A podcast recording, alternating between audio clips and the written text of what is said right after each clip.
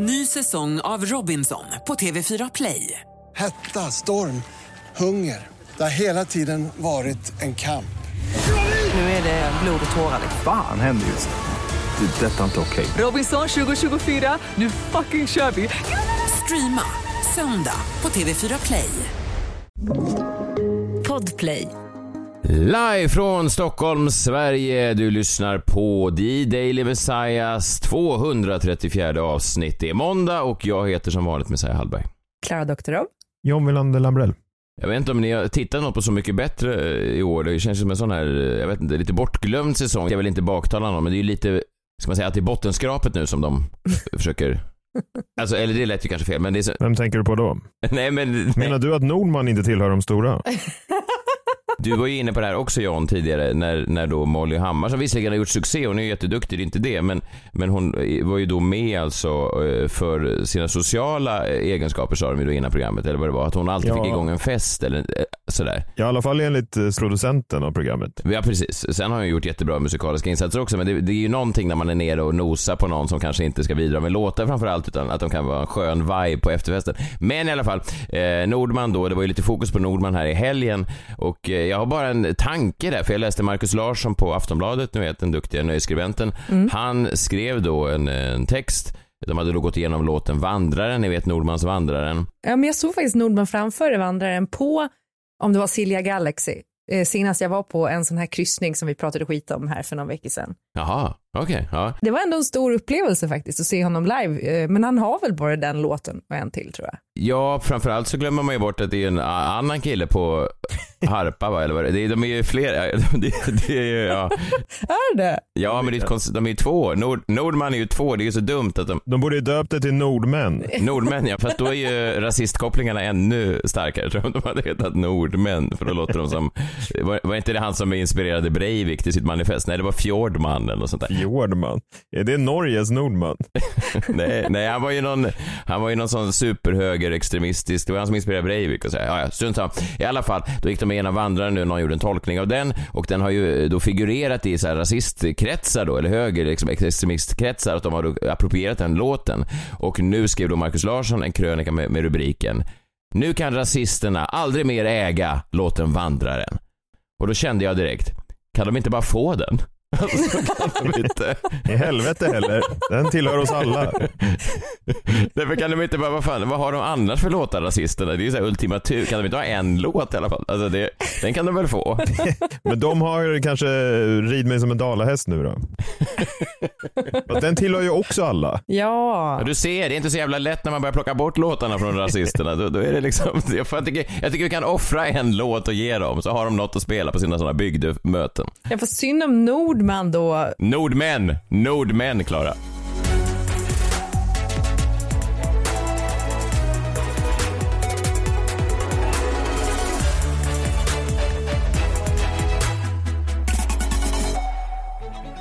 Välkomna hit till måndag, det är den 5 december. Ja, men nu börjar man få lite julstämning. Jag har varit ute på turné och eh, man märker inte av det här då som man hörde eh, ja, för några månader sedan att, att eh, svenska städer skulle spara in på el. Det är otroligt vad upplysta de är. De är nästan extra upplysta. Jag var i Halmstad, det blinkade överallt. Kalmar, det var upplyst överallt. Mycket juldekorationer så att vi har inte kommit dit som de gör i Tyskland då än att de har börjat skruva av eh, elen, vilket jag tycker är Ja, jag vet inte. Jag tycker det är väl, det är väl härligt. Lite ljus. Jag behöver lite ljus i mitt liv. Men det, det är faktiskt också så med de här nya liksom LED-ljusslingorna och sådär så drar ju inte det så mycket el så det är ju bara en symbolhandling att man inte skulle sätta upp ju, julslingor. Jag tror att det Jaha. finns ju annat som drar mycket, mycket mer el eller till exempel att det finns massa kontorsbyggnader som står och lyser hela dygnet runt och sådär.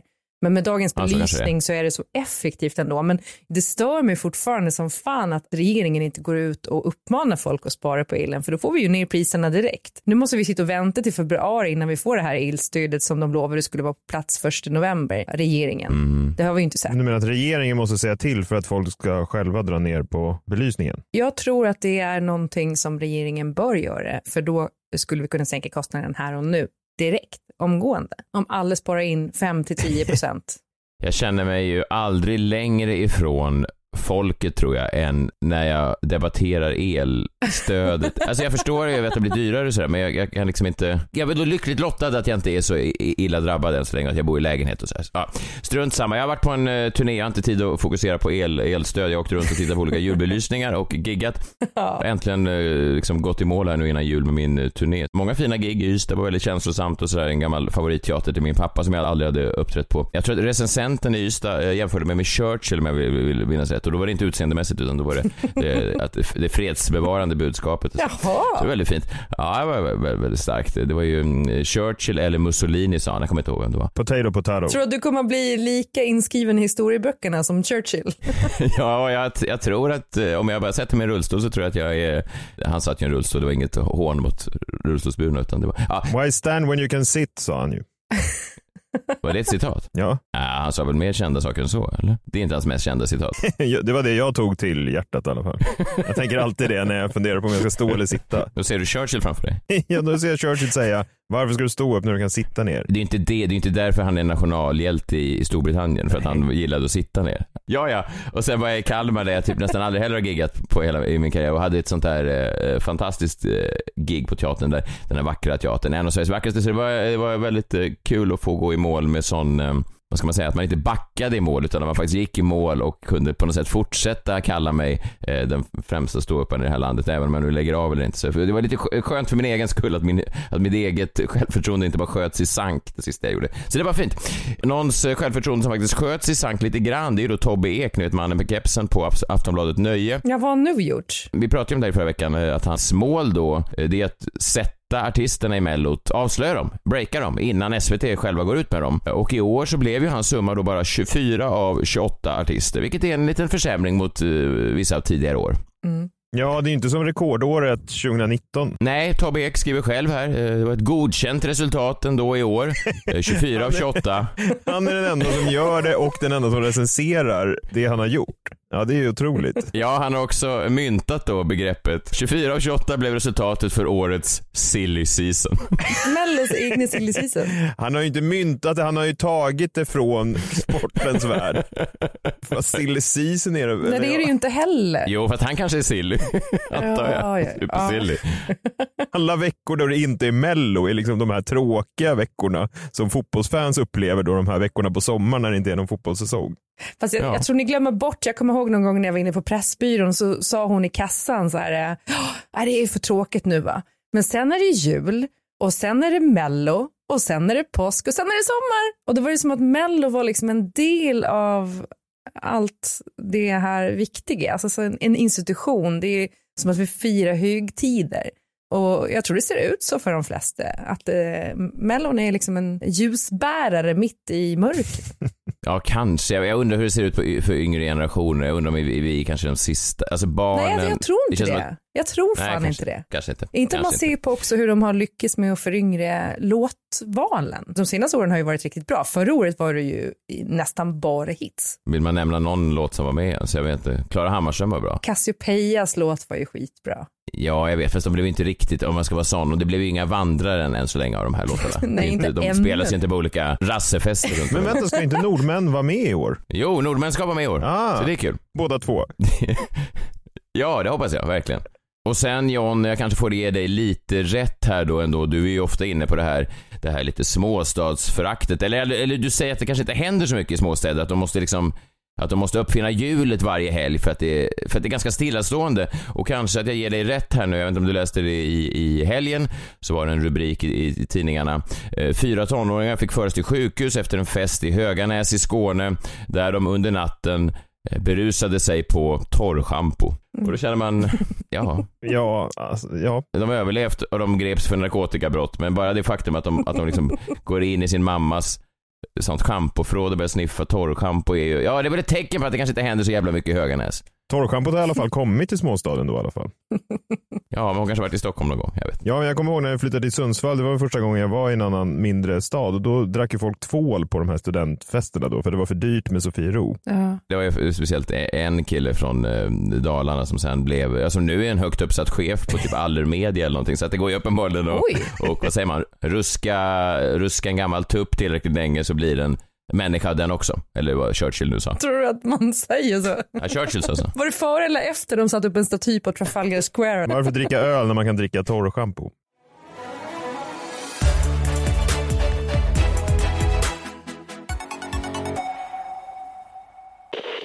Ny säsong av Robinson på TV4 Play. Hetta, storm, hunger. Det har hela tiden varit en kamp. Nu är det blod och tårar. Fan händer just nu. Det. Detta är inte okej. Robinson 2024, nu fucking kör vi! Streama söndag på TV4 Play. Ett poddtips från Podplay. I fallen jag aldrig glömmer djupdyker Hasse Aro i arbetet bakom några av Sveriges mest uppseendeväckande brottsutredningar. Går vi in med hemlig telefonavlyssning och, och då upplever vi att vi får en total förändring av hans beteende. Vad är det som händer nu? Vem är det som läcker? Och så säger han att jag är kriminell, jag har varit kriminell i hela mitt liv men att mörda ett barn, där går min gräns. Nya säsongen av Fallen jag aldrig glömmer på Podplay.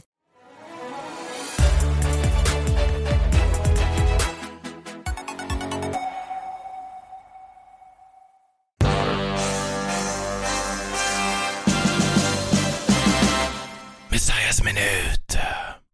Vi har ju pratat VM eh, mycket tycker jag, eller jag har pratat ganska mycket VM. Det omringar oss, vi har varit mycket inne på det här med, mm, senast var det att jag tog upp de här korten som jag hade fått hem, de här olika samlarkorten med olika migrantarbetare. Det är ju liksom det som är snackisen förutom det som händer på planen är ju att Ja, att eh, folk utnyttjas och folk har mått dåligt och det är, det är inte världens bästa samhälle kanske. Det katariska, det får vi väl vara eh, överens om? Mm, ja, det kan vi väl vara. Ja, det kan vi vara. Ja men det kan man ju säga. Och man kan ju också säga så att, att det är liksom att alla måste förhålla sig till det. Även folk som kanske egentligen, om vi ska vara helt ärliga, inte behöver göra det. Men de måste ändå göra det. Till exempel här då, jag hörde en intervju på P4 Väst häromdagen med Oliver Chiabatti. Inte det här brödet? Heter han så? Oliver Chiabatti? Chiabatta? Chiabatti? Ja, Chiabatti. Ja. Oliver Chiabatti. Det var ett fint namn ju, det lät nästan som brödet. Oliver Chiabatti, han är alltså 14 år och är någon slags ungdomsreporter då på P4 Väst. Åh, Han följer sitt första fotbolls-VM och eh, ja, när han intervjuas så tror ni då att Oliver Chiabatti får prata bara om spelet på plan. Oliver och hans jämnåriga tänker mycket på det kontroversiella valet av Qatar som värdland. Inte minst med tanke på hur landet efterlever de mänskliga rättigheterna. Nej men det blir eh, en tankeställare mer än vanligt, i alla fall för mig och dem. Även fast man älskar att titta fotboll och gör det hela tiden så blir det ändå om man har det i bakhuvudet.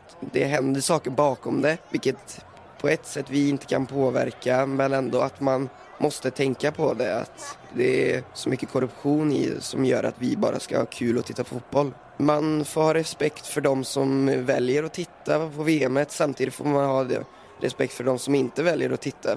Mm, precis. Kan man inte låta Oliver Chiabatti eh, bara få titta på fotboll när man är 14 år? Jag, jag vet inte, jag, kan- jag, tänker mitt, eh, det VM som jag såg när jag var 14 år, det var VM i Frankrike. Om någon hade kommit och stuckit upp en mikrofon och frågat, ja men vad säger du om kolonialväldena som de hade över hela eh, Afrika i Frankrike? Hade jag, då, hade jag då stått där och svamlat fram någonting om att ja, det är ju såklart hemskt. Kan man inte, jag vet inte, förstår ni vad jag menar? Det är ju liksom lite så här. ja, det är, väl, det, det är väl fint att vissa liksom tar avstånd från Ja. det här, men vad fan, låt barnen vara i alla fall, eller? Ja, men det är också Jo, roligt att han absolut. säger att han alltså, mer än vanligt tänker på det. Alltså då, med jämförelse med då, när han var 10 och 6. Fast jag, jag tycker ändå att det är fint att vi ser eh, unga män som, som är lite woke och har lite koll. Jag blir imponerad av Chiabatti. Jo, jo, jag blir också imponerad av honom, men han är också intvingad i det här att av någon jävla som P4 Väst-reporter Han som måste bara... ju säga det där. Jag menar bara att det är någonting lite skevt när det kommer någon sån här liksom lite rättfärdig P4 Väst-reporter och trycker upp en mikrofon i en 14-årings ansikte och säger så här app, app, app, app, app. Eh, glöm nu inte heller eh, all korruption som pågår Oliver, tycker du ingenting om det? Det är bara det som är lite skevt. För att det finns ju tillräckligt många vuxna män som tar ställning och det här var lite kul, det var någon som bara ställde en fråga på Twitter. Eh, Hörni, fotbollsälskare, hur känner ni?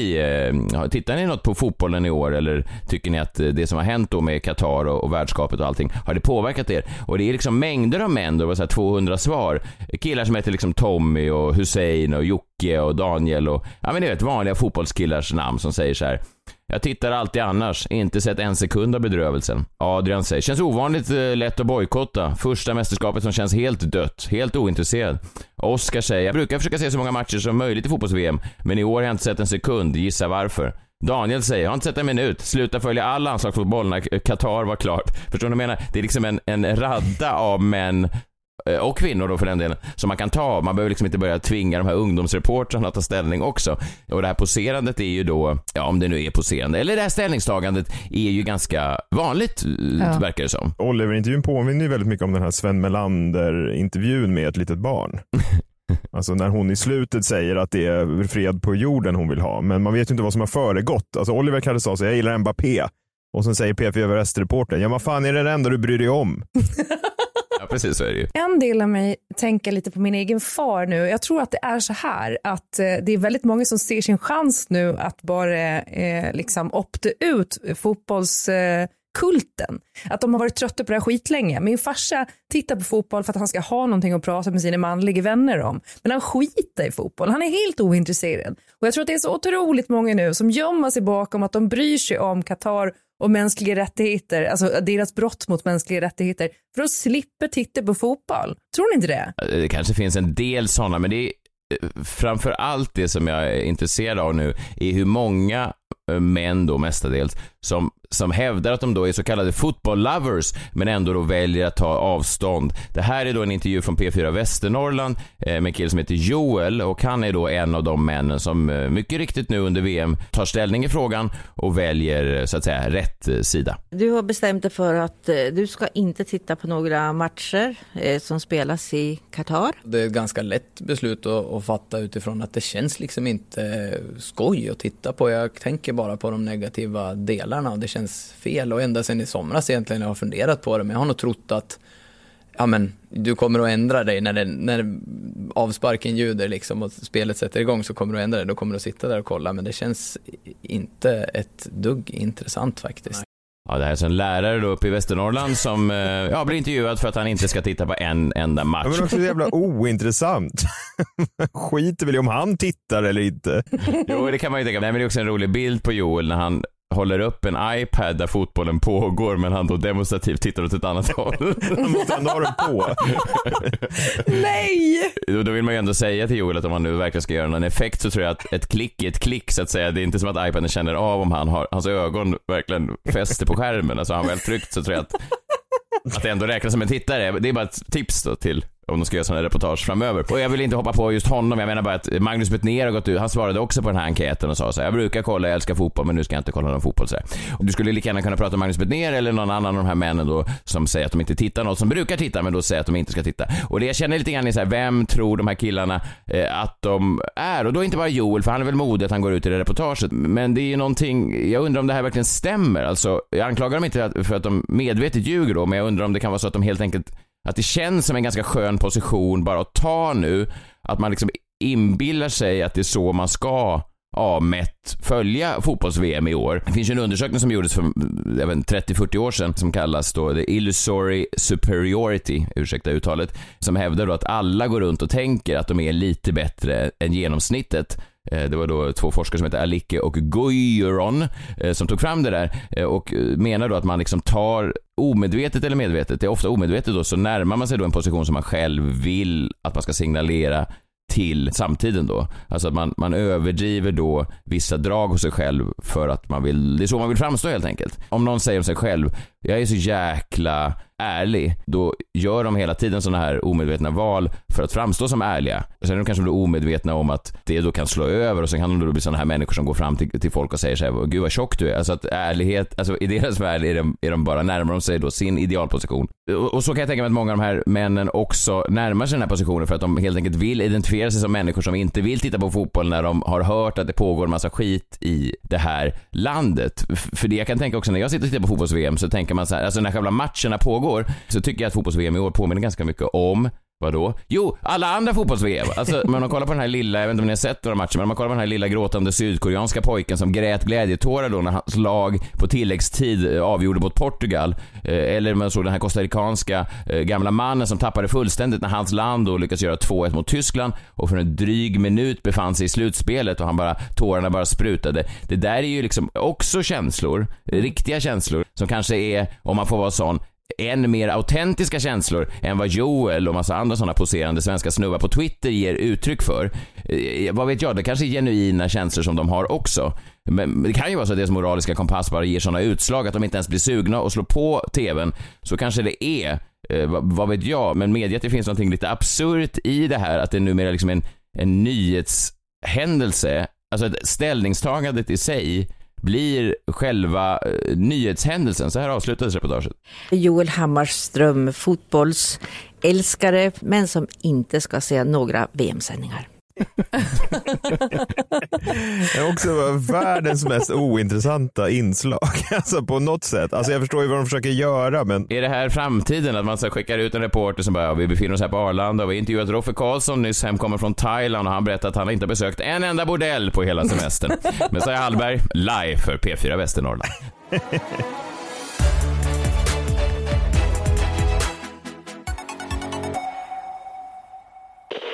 Ny säsong av Robinson på TV4 Play. Hetta, storm, hunger. Det har hela tiden varit en kamp. Nu är det blod och tårar. Fan händer just nu. Det. är Detta är inte okej. Robinson 2024, nu fucking kör vi! Streama söndag på TV4 Play. Ett poddtips från Podplay. I fallen jag aldrig glömmer djupdyker Hasse Aro i arbetet bakom några av Sveriges mest uppseendeväckande brottsutredningar. Går vi in med hemlig telefonavlyssning och, och då upplever vi att vi får en total förändring av hans beteende. Vad är det som händer nu? Vem är det som läcker? Och så säger han att jag är kriminell, jag har varit kriminell i hela mitt liv men att mörda ett barn, där går min gräns. Nya säsongen av Fallen jag aldrig glömmer på Podplay.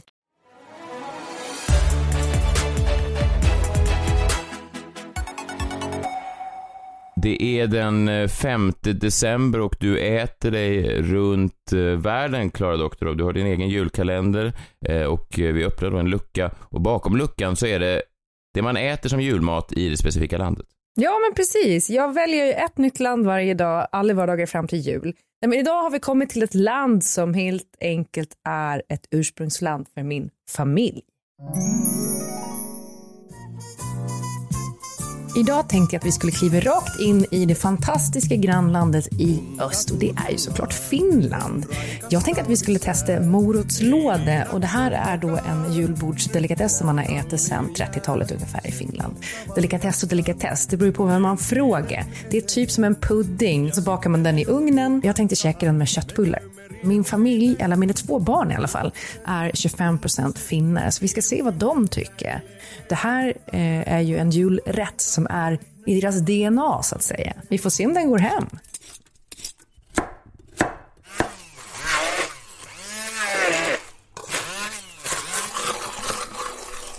En klassisk morotslåda kan innehålla morötter, grytris, vispgrädde, mjölk, det är ägg, ljus sirap, muskot, vitpeppar och salt. Och sen så har man på ströbröd och in i ugnen i en timme ungefär. Den ser väldigt god ut. Jag håller på att steka lite köttbullar till. I Finland så äter man då morotslådan till köttbullar, prinskorvar, revbensspjäll och så vidare.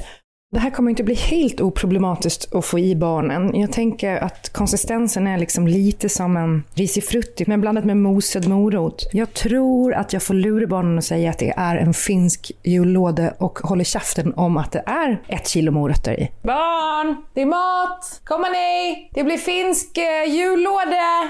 Vad sa du? Finsk jullåda! Ah, hon började gråta direkt. Nu tänker jag att vi ska tänka på farfar Pavo och så ska vi käka finsk julmat. Kul va? Ja. Det kommer säkert bli jättegott. Ja. Hur var det? Mm. Nej, Det var inte gott? det var inte gott. Nej, vad tråkigt. Jag vet inte riktigt vad jag tyckte om det här. Jag tror att jag ger det en av fem fulla finnar på julafton. Märklig konsistens, det är både sött och salt på samma gång. Och ja, morot. Sam, vet du hur man säger jag älskar dig på finska? Perkele voi vittu. Kan du säga det? Ja, skitbra. Ja, du kämpar på där. Just, hörde jag rätt? Var det en finsk morotslåda? Är, det väldigt, är det vanligt förekommande att de Nej, men- äter just en... Ur en låda? Det äter man på julafton och det är väldigt känt. Ja, Eh, precis. Men jag börjar undra om det är för att finnarna dricker så mycket alkohol. Det kändes som en sån här perfekt fyllerätt för att den var krämig, söt och salt på samma gång. Väldigt konstig konsistens men går liksom bara mula in i munnen. Det, det är min enda förklaring jag har. Eh, barnen åt inte någonting av den. Jag tvingade i mig lite grann. Poppy gillade två tuggar och sen fick hon kvällningar. Så att, eh, nej, mordslådan var faktiskt inte för oss. Jag hade hoppats ändå att liksom det skulle ligga i deras DNA att de skulle gilla det här. I och med att de är 25% finnar. Men eh, nej. Vem är finnen har vi? Barnen har då en farfar som eh, heter Pavo som kom från Finland som krigsbarn. De har finskt blod, inte jag dock. Nej, så Kjells pappa var... Finne ja. Och morotslådan känns ju lite sådär eh, krigsrättig. Jag var glad också för att jag skulle få äta någonting vegetariskt för första gången och tänkte att det här kanske är någonting jag kan tipsa John om. Att han kan ha på sitt julbord. För det är svårt att hitta vegetariska julrätter. Men nej John, om du ska Verkligen. laga Ja, någonting det- till julafton, välj bort morotslådan från Finland. Det är bara ett tips från mig till dig. God jul! Tro mig, jag har hört Messiah säga varje jul i 30 år så här, ja, nu, ni, vad äter ni på jul? Det är väl morotslåda och sånt. Det har ju aldrig några svar på vad ni äter. I var- I 30 år har du ju bara dodgat frågan. Vad äter ni? Om jag kommer med en prinskorv, vad, vad... Den är så dumt ställd. Att, som att du inte har varit vid ett julbord och sett att det finns annat än kött på julbordet. Jo, det finns kål. Det är kål du äter då. Brunkål, rödkål, vanlig kål, spetskål. Det är olika former av kål, eller? Det finns väl en massa annat. Det finns väl potatis och massa annat. Potatis och kål. skitsnack. Hej då! Nej, vadå, vi är inte klara. Kom tillbaka. Vi får se om jag kommer till Polen för där är det ju tradition att man äter 12 vegetariska rätter på julafton. Mm, jag undrar hur många av dem som är kål. Ganska många. Och jag undrar om också vodka räknas som en rätt för det dricker de väl till frukost i Polen. Ja, jag förvånar mig inte om det som en vegetarisk rätt också för att komma undan min kål- kolproblematik. Ja. Kolproblematik på julbordet. Ja. Ja, ja, du sitter där och ser konfis ut och försöker eh, lu- luska ut hur du ska övertala mig om att, att det inte bara är kol på julbordet. Ja, nu går vi vidare. Det här var ju på gång redan innan helgen, men, eh, ja, men ni såg när Kanye West satt med den där masken som i och för sig, masken i sig var inget, var inget fel, men det var ju, han satt ju då med den här Alex Jones som i normala fall är då den den som är kanske mest rabiat och rasistisk. Eh, Men till och med han satt ju då och skruvade på sig när, när Kanye satt och sa att han gillade Hitler och att Hitler gjorde massa härliga grejer. Han tyckte det var så tråkigt just när man bara fokuserar på det tråkiga och det trista nazisterna gjorde utan det, det fanns ju mer positiva grejer som han ville lyfta också. Han har väl, eh, ja men han har väl, eh, tyvärr, tyvärr, jag brukar verkligen inte vara någon sån moralnisse, på tal om då Qatar och sådär, jag brukar verkligen inte vara det. Men jag tänkte då sitta med, med min dotter och sätta på en låt med Kanye, bara av en händelse jag skulle spela något. Och så kände jag lite så här, fan det är lite eh, ofräscht ändå. Alltså just, Nu skickar jag hem en P4 Väst-reporter till dig. vadå, när jag sitter och håller upp som My Twisted Beautiful Fantasy och bara tittar åt ett håll. annat håll. Två pekfingrar rakt in i mina öron och så står det så här. Och vi tackar Messiah Hallberg som äger alla Kanye West skivor men inte längre spelar dem. Åter till studion. Ja, varför inte? I alla fall. Eh, det var ju då eh, Kanye West i mask och så var det Alex Jones då den här rabiata mannen som dessutom har dömts då för att ha spridit konspirationsteorier om Sandy Hook, det här det sjukaste, mest vedervärdiga massmordet i USAs historia med alla de här förskolebarnen. Eh, och sen var det en tredje person då, en ung högerextremist som heter Nick Fuentes Ganska eh, stilig kille, men det ursäktar inte alla hans vedervärdiga åsikter. Men han blev då intervjuad här i, igår och han tyckte att det var så tråkigt att massmedia, ni vet massmedia som alltid bara har en och samma jävla vinkel, liksom det här PK-köret. Eh, han tyckte det var så trist att, att alla valde att fokusera på det Kanye sa eh, om just det. Så här sa Nick Fuentes då om hela den här intervjun hos Alex Jones. But the media, of course, is only focusing on the part where he said he loved Hitler. So, what's that all about? He said other things too. Ah, så typiskt det där. Så himla typiskt att media bara fokuserar på det där. Ni vet hur det är, man gör en intervju med P4 Västernorrland. Man är där för att prata om eh, Qatar-VM. Man råkar säga att man älskar Hitler och sen är det det enda de går på. När man säger massa andra grejer också. Jävla typiskt. Okej, vi hörs imorgon. Då är det tisdag. Var med oss då. Ta hand om er eh, så länge. Hej, hej. Hej! Hej!